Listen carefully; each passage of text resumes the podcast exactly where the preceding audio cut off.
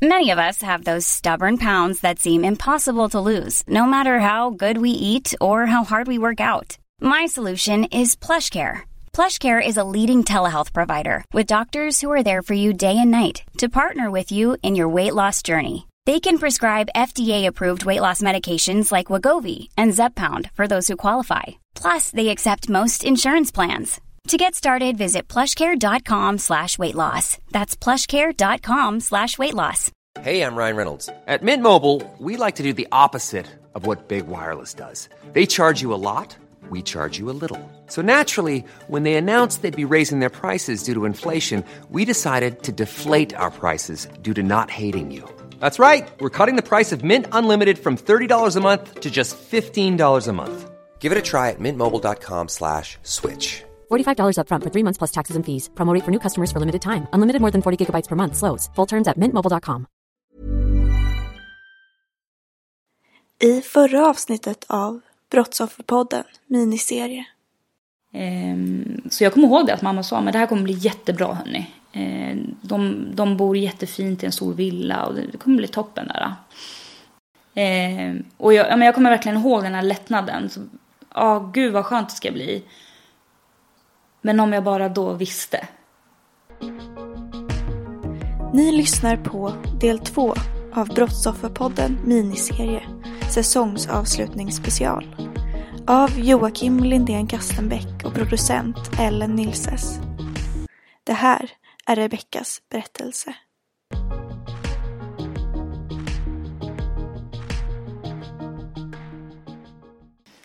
Men Rebecka, då verkar det nästan ha blivit som du hade hoppats på. Du kommer från den här finsktalande familjen.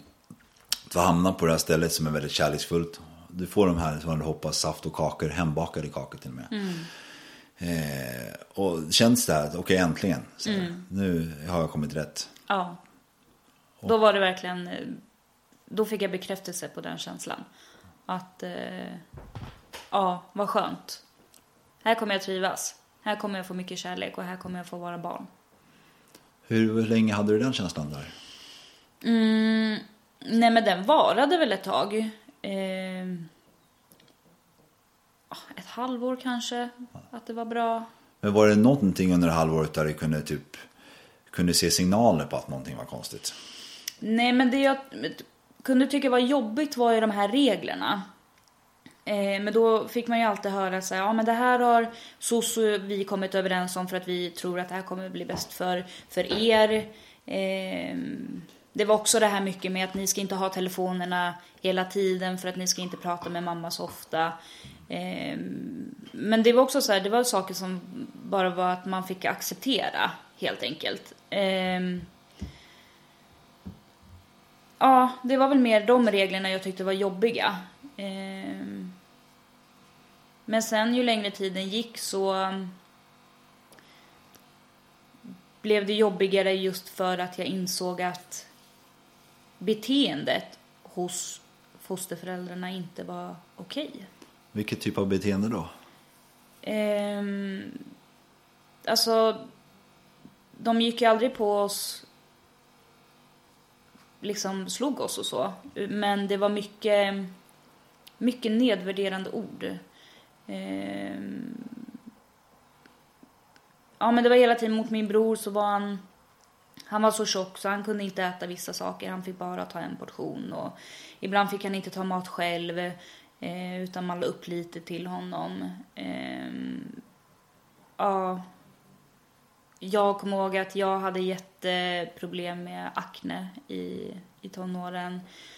Eh, skämdes jättemycket för det. Eh, kunde komma ner en morgon till frukostbordet och man fick någon kommentar om men gud hur ser du ut i ansiktet? Ja men Oj, såna, ja, eh, um, saker som man liksom som vuxen människa inte säger bara. Nej, det Eh, helt men skevt. som de sa.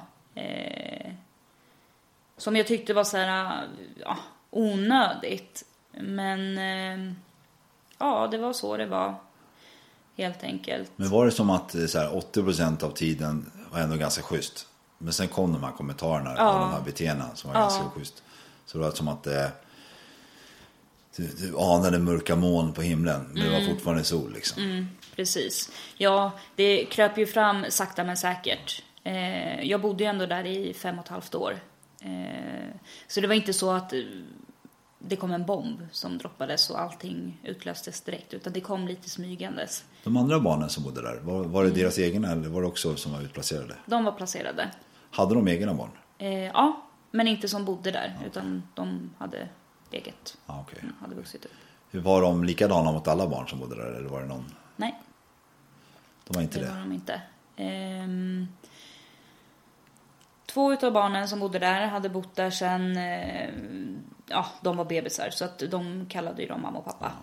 Ehm, och sen de andra två ehm, hade också bott där väldigt länge, kallade dem inte mamma och pappa men det var ändå en relation eh, från när de var små.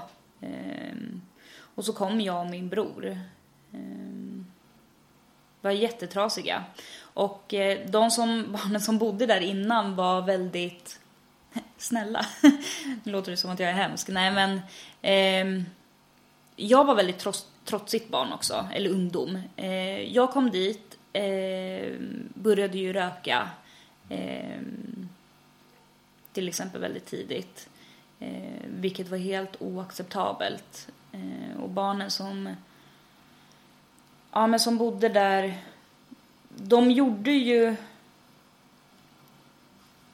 vad, en, vad de än sa. Och speciellt, så här, fostermamman var väldigt styrande i familjen. Det var hon som sa vad som skulle göras och hur folk skulle bete sig. Medan fosterpappan var, han sa inte så mycket utan han, han löd henne liksom. Eh, ja. Eh. och det kunde ju vara vad som helst. Alltså, sa den här fostermamman, ja, men, skulle hon kasta någonting på golvet och säga till någon att ta upp det, då skulle ju alla göra det förutom jag. Jag var ju såhär, nej men nej, vad, vad håller du på med? Det tycker inte jag göra. Ehm, och det tyckte de inte om. Och det var därför eh, jag inte blev omtyckt. Var det även att de andra barnen vände sig mot dig? Mm, både ja och nej. Eh, det var två tjejer som bodde där också. Som jag kom väldigt nära. Eh, och vi blev som syskon nästan. Eh, så att i perioder så tyckte de så här, men gud, fan Becka vad onödigt. Var, kan du inte bara göra som hon säger så slipper det bli de här bråken. Eh, Medan jag var aldrig sån. Jag, jag, jag tog liksom ingen skit på något sätt.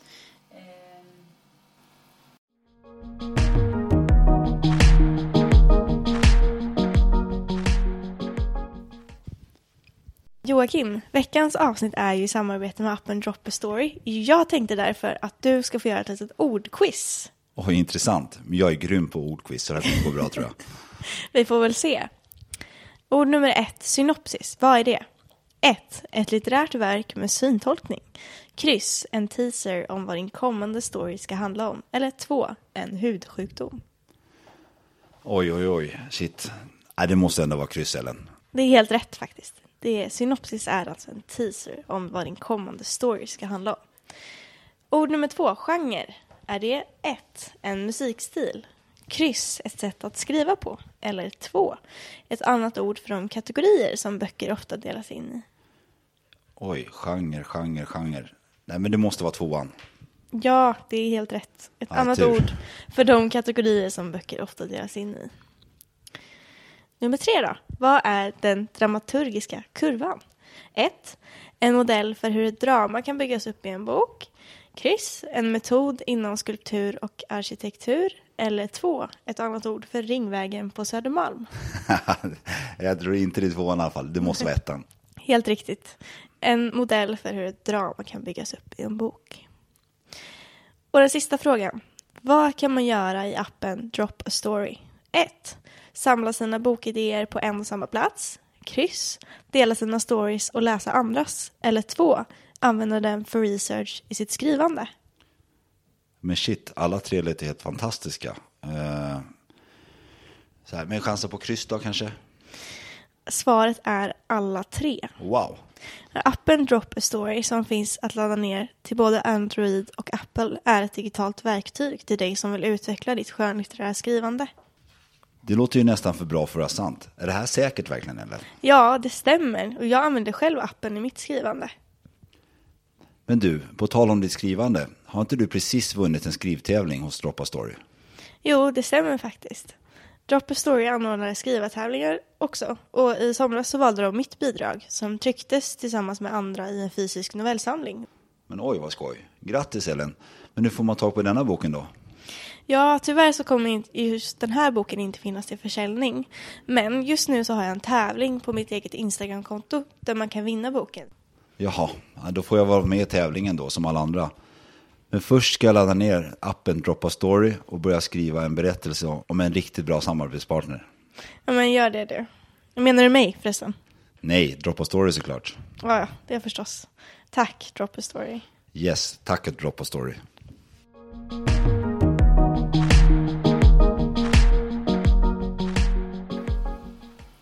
Ja, Men var det också att du ville, ju mer de ville att du skulle göra, ju mer hade du lust att inte göra? För att, Ja, jag tror att det blev en liten grej utav det.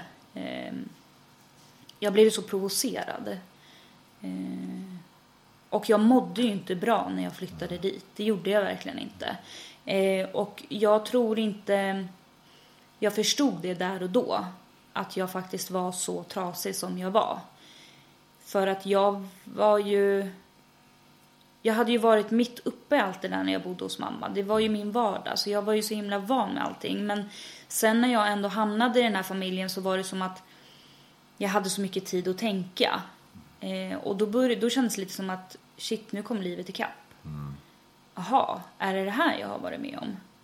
Ehm, och jag började må väldigt, väldigt dåligt. och det är inte så konstigt. Nej, Att det inte finns något, eh, något mer samtalsstöd är helt otroligt. Här är, är det ju verkligen. Så Mm. Ja. För det här är ju inte så superlänge sedan. Det är ju inte så att det är på 30-talet eller Nej, 50-talet precis. eller Nej. 70-talet. nej. Så, så att eh, det borde funnits mer kunskap här. Mm. Verkligen. Jag önskar att det fanns det. Eh, Men eh, det är rätt tydligt att det inte fanns. Eh, För att jag började ju då må väldigt dåligt eh, och eh, fick självskadebeteende. Och då, ja, då gick jag i sexan, då var jag 12 år. Då började jag med ja, att skära mig själv. Ehm, och i början var det mer, ja, mer ytligt. Ehm, lite så här, oj titta vad jag har gjort. Jag mår inte bra. Ja, lite rop på hjälp. Ja, precis. Ehm, men snabbt så insåg jag att, ehm, ja, att det beteendet inte var okej. Ehm, det var aldrig som jag hade hoppats på att man kanske ja, i skolan eller fosterföräldrarna kom fram och så här, ja men gud vi ser att du inte mår bra. Hur kan vi hjälpa dig? Eh, utan det var mer, ja, svårt att beskriva för de sa ju inte ordagrant men det var, man märkte väldigt starkt att det här var inte okej.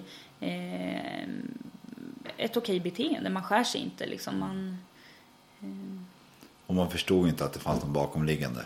Nej, det var ingen som var intresserad att ta reda på varför gör hon det här.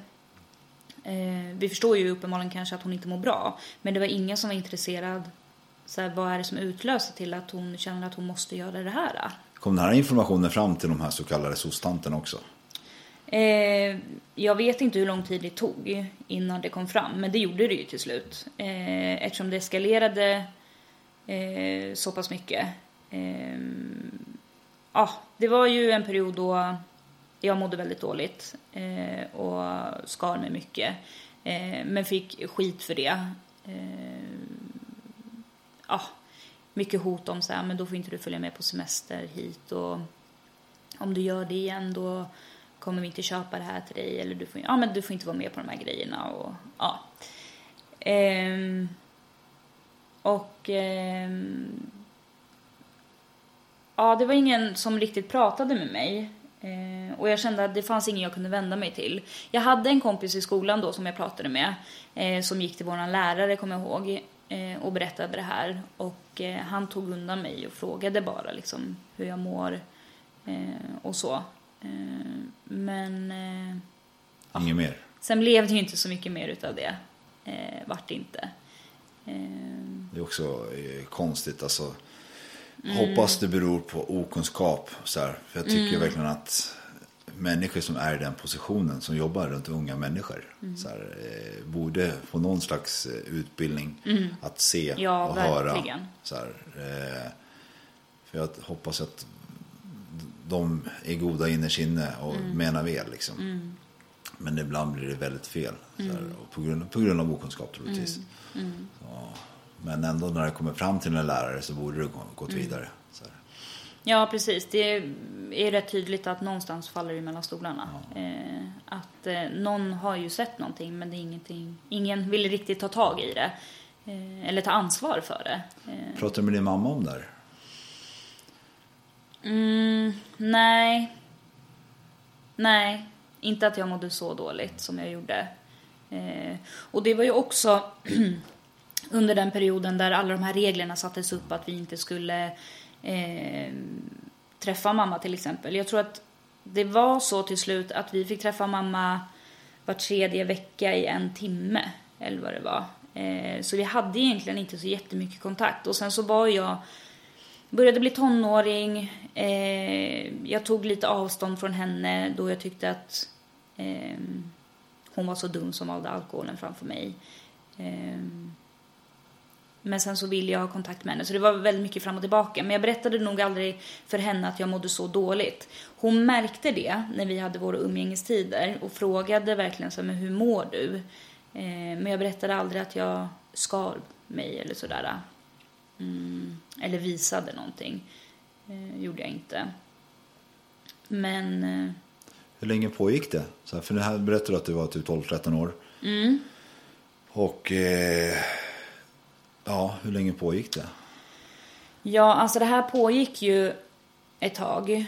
Eh, sen började jag ju skära mig på benen där det inte syntes istället. Eh, för att då gick det ju så långt att jag kände att jag måste göra någonting för att dämpa min ångest. Eh, inte för att jag vill nu att folk ska se, för att det var lite som att nu var det ändå ingen som brydde sig. Det var ändå ingen som hjälpte till. Eh, och jag började ju bara må mer och mer dåligt. Eh, och eh, ja, jag började hitta andra föremål, typ började skära mig djupare. Eh, ja, började få självmordstankar.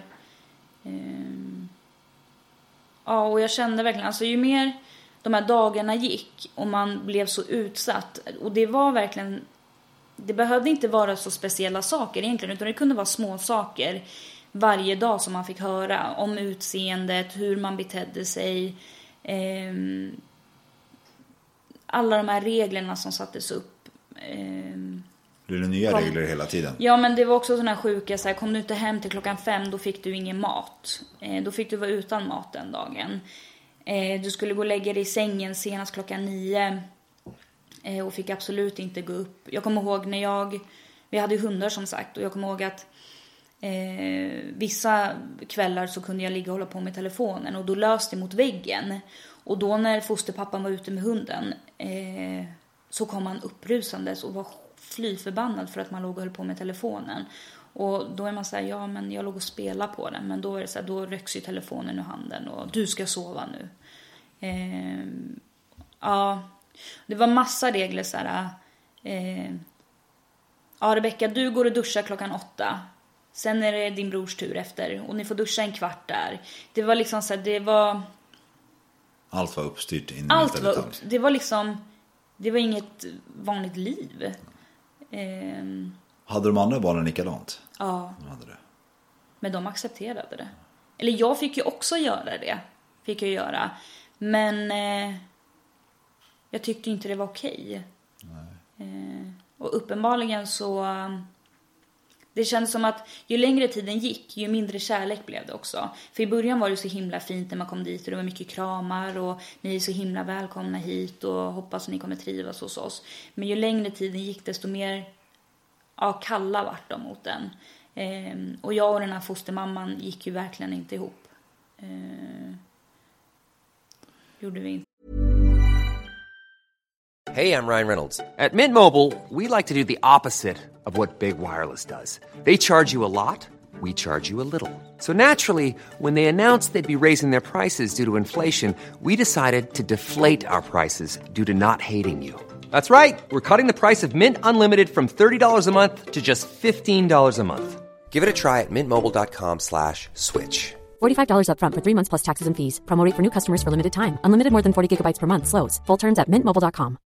If you're looking for plump lips that last, you need to know about Juvederm lip fillers. With Juvederm Volbella XC and Juvederm Ultra XC, your lip look, whether it's subtle or bold, can last up to one full year with optimal treatment and no additional maintenance. Find a licensed specialist and see if it's right for you at juvederm.com today. That's J U V E D E R M.com. Add fullness to lips in adults over 21 with Juvederm Volbella XC or Juvederm Ultra XC. Do not use if you have severe allergies or a history of severe allergic reactions, or if you're allergic to lidocaine or the proteins used in Juvederm. Tell your doctor if you have a history of scarring or taking medicines that decrease the body's immune response or that can prolong bleeding. Common side effects include injection site redness, swelling, pain, tenderness, firmness, lumps, bumps, bruising, discoloration, or itching. As with all fillers, there's a rare risk of unintentional injection into a blood vessel, which can cause vision abnormalities, blindness, stroke, temporary scabs, or scarring. For full important safety information, visit juvederm.com. Kom SOS fortfarande på besök eller var det så att ni fick bo där ute? Tills... Och det här är ju ett av de största problemen. Att eh, vi hade ju socialtjänsten i en, i en kommun eh, där vi blev tagna. Och den kontakten som var i fosterfamiljen var via, jag tror att det hette familjeverket, eh, som är en liten mellanhand. Så att de kom en gång i månaden och skulle ha samtal med mig och min bror och med hela familjen och se, ja men hur trivs ni, hur går det och så. Och de här två andra tanterna som kom från familjeverket var kompisar. Jaha, med de som, de som hade det stället? Ja. Så sen lång tid innan. Ehm, och det är ju det jag vet nu efter jag har läst, jag har ju begärt ut journaler och det. Ehm, som jag märker att det vi, eller jag i alla fall har berättat till de här människorna har ju aldrig kommit fram. Ehm, så att ja, det är ju mycket som SOS inte vet om på grund av att de har inte nåtts av den här informationen. Ehm, att vi inte har mått bra, helt enkelt. Din bror trivs inte där heller eller? Nej, han blev också jätteutsatt. Verkligen. Ja, du sa ju det för att Ja. de tyckte han var övervikt och allt. Ja, han blev... Alltså samma dag som han fyllde 18 så tog han ju sina saker och drog. Hade du samma tankar? Att när jag fyller... Ja, det hade jag. Ehm... Ja, det hade jag. Alltså, jag och min bror har lite olika... Jag träffade ju min första kärlek när jag var 13. Eh, och vi var tillsammans i nästan nio år. Oj. Eh, ja. Så att jag hade en otroligt stor räddning eh, i hans familj. Eh, otrolig stöttning. Eh, och hans mamma blev som en extra mamma för mig och eh, är det än idag. Eh, och den familjen och speciellt hon har räddat mig otroligt mycket. För att hade inte hon funnits där så hade jag nog inte suttit här idag. Men fick du besöka dem som du ville eller du skulle fortfarande hemma? Eh, nej, ja, absolut inte. Det var regler. Det, jag fick inte åka när jag ville och hur jag ville och så. Och det är också det som har varit så skönt. Hon har ju varit med på allt det här. och Hon vet ju vad jag har varit med om eh, under den här perioden. Berättade du om självskadebeteendet för dem? Eh, ja, efter ett tag eh, så insåg de att jag inte mådde så bra. Eh, Men var det som att det var att när du kom hem till den familjen, där fick du den här kärleksfulla familjen? Gud ja. Ja, och det var ju så himla härligt att se. Så här, men gud, är det så här en familj ska vara? Jaha, är det så här man äter middag tillsammans? Alltså, det var ju något helt annat som jag inte hade upplevt. Eh, ja, men värme och kärlek. Och bara den här känslan av att få vara. Jag kommer ihåg det varje gång jag skulle åka hem alltså därifrån så hade jag ju sån ångest. Alltså det var ju gånger hon skjutsade hem mig som jag satt och grät i bilen för att jag sa det, jag vill inte åka hem.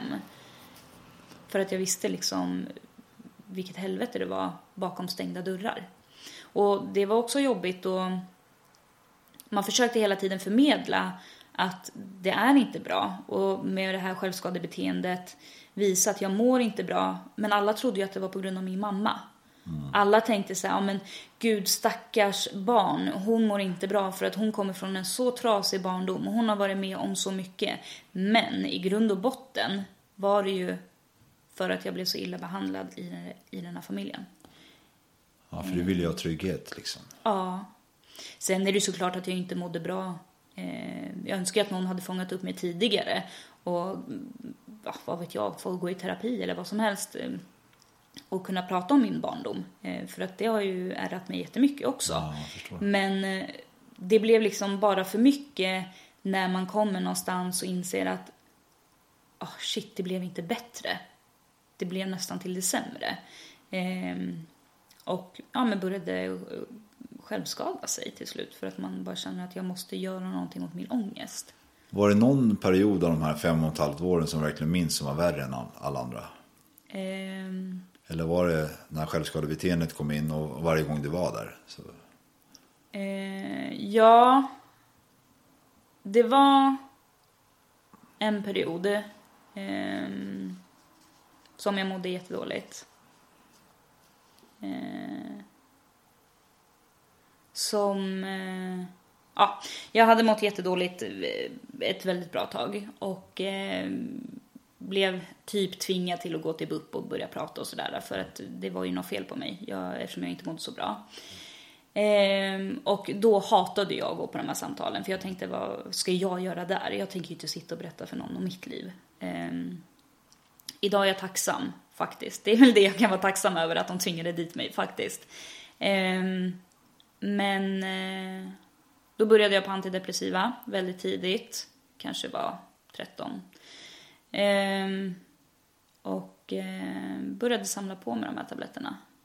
Eh, ja, för jag kände, alltså jag kände lite så här, ja men det är bra att ha till, till någon dag. Tänkte jag. Ja, men alltså så här, jag hade inga självmordstankar, det hade jag inte. Utan det var bara så här, men jag har det utifall att. Men sen så blev det värre och jag... Det var ju bara kaos. Det var kaos med mamma, med umgänge, det var kaos i den här familjen. Jag hade svårt i skolan, har alltid haft jättesvårt att koncentrera mig. Skolkade mycket. Eh, började röka, hängde med fel människor. Eh, ja, hela livet var verkligen upp och ner. Jag mådde inte bra. Eh, och en kväll så eh, hade jag sån ångest att jag bara kände att nej, jag orkar inte. Verkligen. du kände att nu får jag nog. Ja, nu, nu pallar jag inte mer. Alltså jag kände... Jag kände verkligen den här känslan att så här... Ja men är det så här... Är det så här ont? Eller ska det göra så här ont att leva? Då är det liksom inte värt det. För att jag har haft en jäkligt trasig barndom. Och nu skulle jag få hjälp.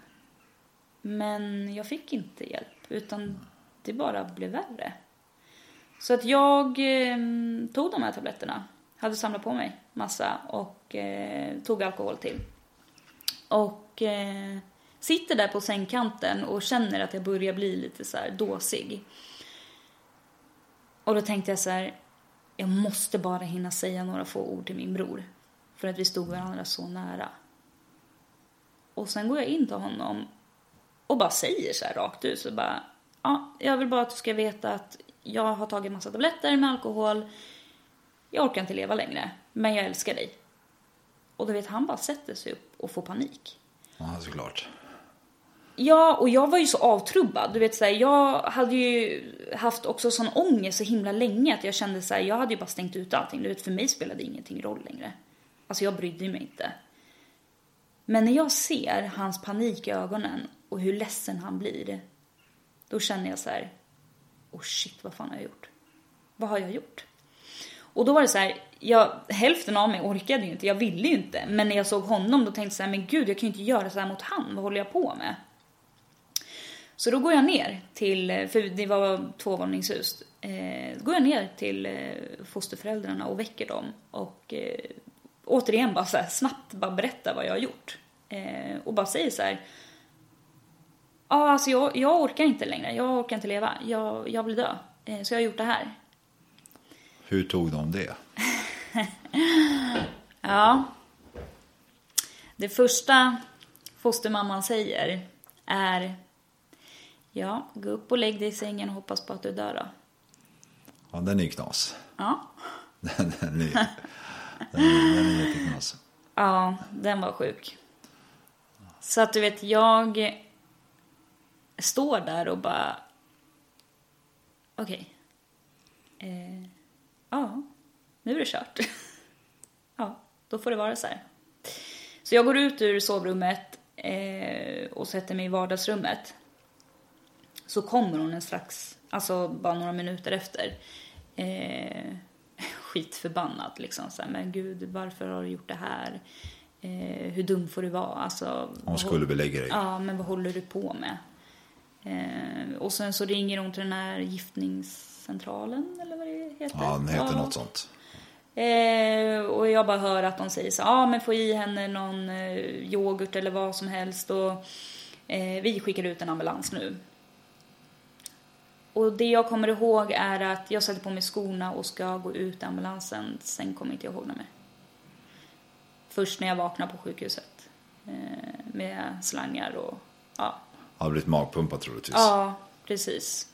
Ehm, och det enda jag minns, för att jag tog massa Alvedon och Ipren och det också. Och det enda jag kommer ihåg att läkaren sa var så här, ja vi vet inte hur skadad hennes lever är. Ehm, vi måste fortsätta ta prover och så. Och sen att det kom någon eh, från eh, psykiatrin då, barnpsykiatrin. Ja, ställde de här klassiska, men gud hur mår du egentligen? Och du vet, som sagt jag var så avtrubbad. Jag var så här, ja nej jag mår inte så bra men ja. De bara, ja men ville du verkligen dö? Ja men de här klassiska frågorna. Ja, nej, det spelar väl ingen roll om jag lever eller om jag är död. Ehm, men jag blev aldrig inlagd. Ehm, utan jag blev hemskickad. Var fosterfamiljen med på sjukhuset? Det var de. Så jag åkte hem med dem och satte mig i bilen med dem. De var kärleksfulla? Man önskar att de var det. Eh, Jag kommer ihåg att vi gick där i korridoren och eh, under den här perioden var jag väldigt dålig på att äta. Eh, återigen, jag var väldigt så här, ja men skitsamma om vad jag gör och inte gör. Ingenting spelar någon roll. Och då kommer jag också ihåg att jag fick någon sån här kommentar att ja, nu får du se till att börja äta annars måste vi tvinga i dig mat för annars hamnar vi på sjukhuset igen. Eh, och det, det ska vi absolut inte göra, vi har ingenting här att göra, våran familj. Och, ehm, ja, men det var hela tiden så här skuldbelägga mig.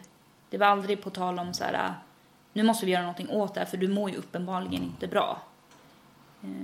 Ja, för det kan betyda allt tror jag. Den här, alltså en genuin fråga, hur mår du egentligen? Alltså vid rätt tidpunkt.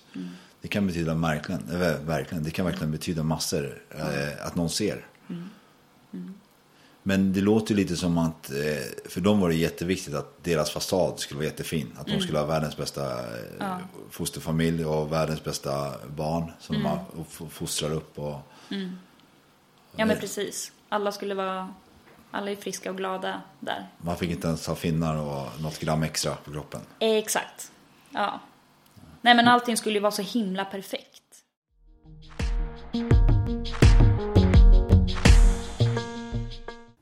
Ellen, det var något viktigt att berätta va? Ja, men det har jag. Det här avsnittet är ett samarbete med Stockholms tjejjour som jag ju också är engagerad i. Kan du förklara lite vad Tjejjouren gör? Föreningens syfte är att stötta och stärka tjejer och unga kvinnor. Till oss kan alla som definierar sig som tjejer och unga kvinnor mellan 10 till 30 år från hela landet vända sig för att få stöd och hjälp. Och vi finns tillgängliga via mail, chatt eller telefon.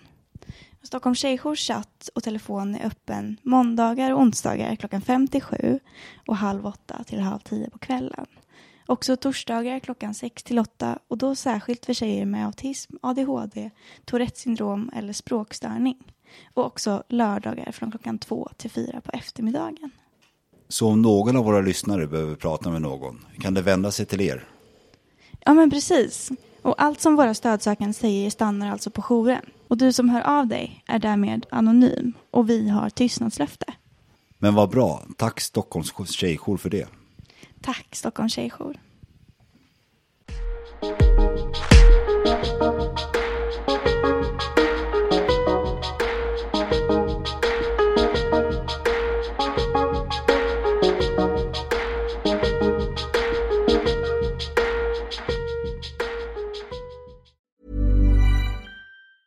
Planning for your next trip? Elevate your travel style with Quince. Quince has all the jet setting essentials you'll want for your next getaway, like European linen, premium luggage options, buttery soft Italian leather bags, and so much more. And is all priced at 50 to 80% less than similar brands. Plus, Quince only works with factories that use safe and ethical manufacturing practices. Pack your bags with high-quality essentials you'll be wearing for vacations to come with Quince. Go to quince.com slash pack for free shipping and 365-day returns. Imagine the softest sheets you've ever felt. Now imagine them getting even softer over time. That's what you'll feel with Bowl and Branch's organic cotton sheets. In a recent customer survey, 96% replied that Bowl and Branch sheets get softer with every wash. Start getting your best night's sleep in these sheets that get softer and softer for years to come. Try their sheets with a 30-night guarantee. Plus, get 15% off your first order at bowlandbranch.com. Code BUTTERY. Exclusions apply. See site for details.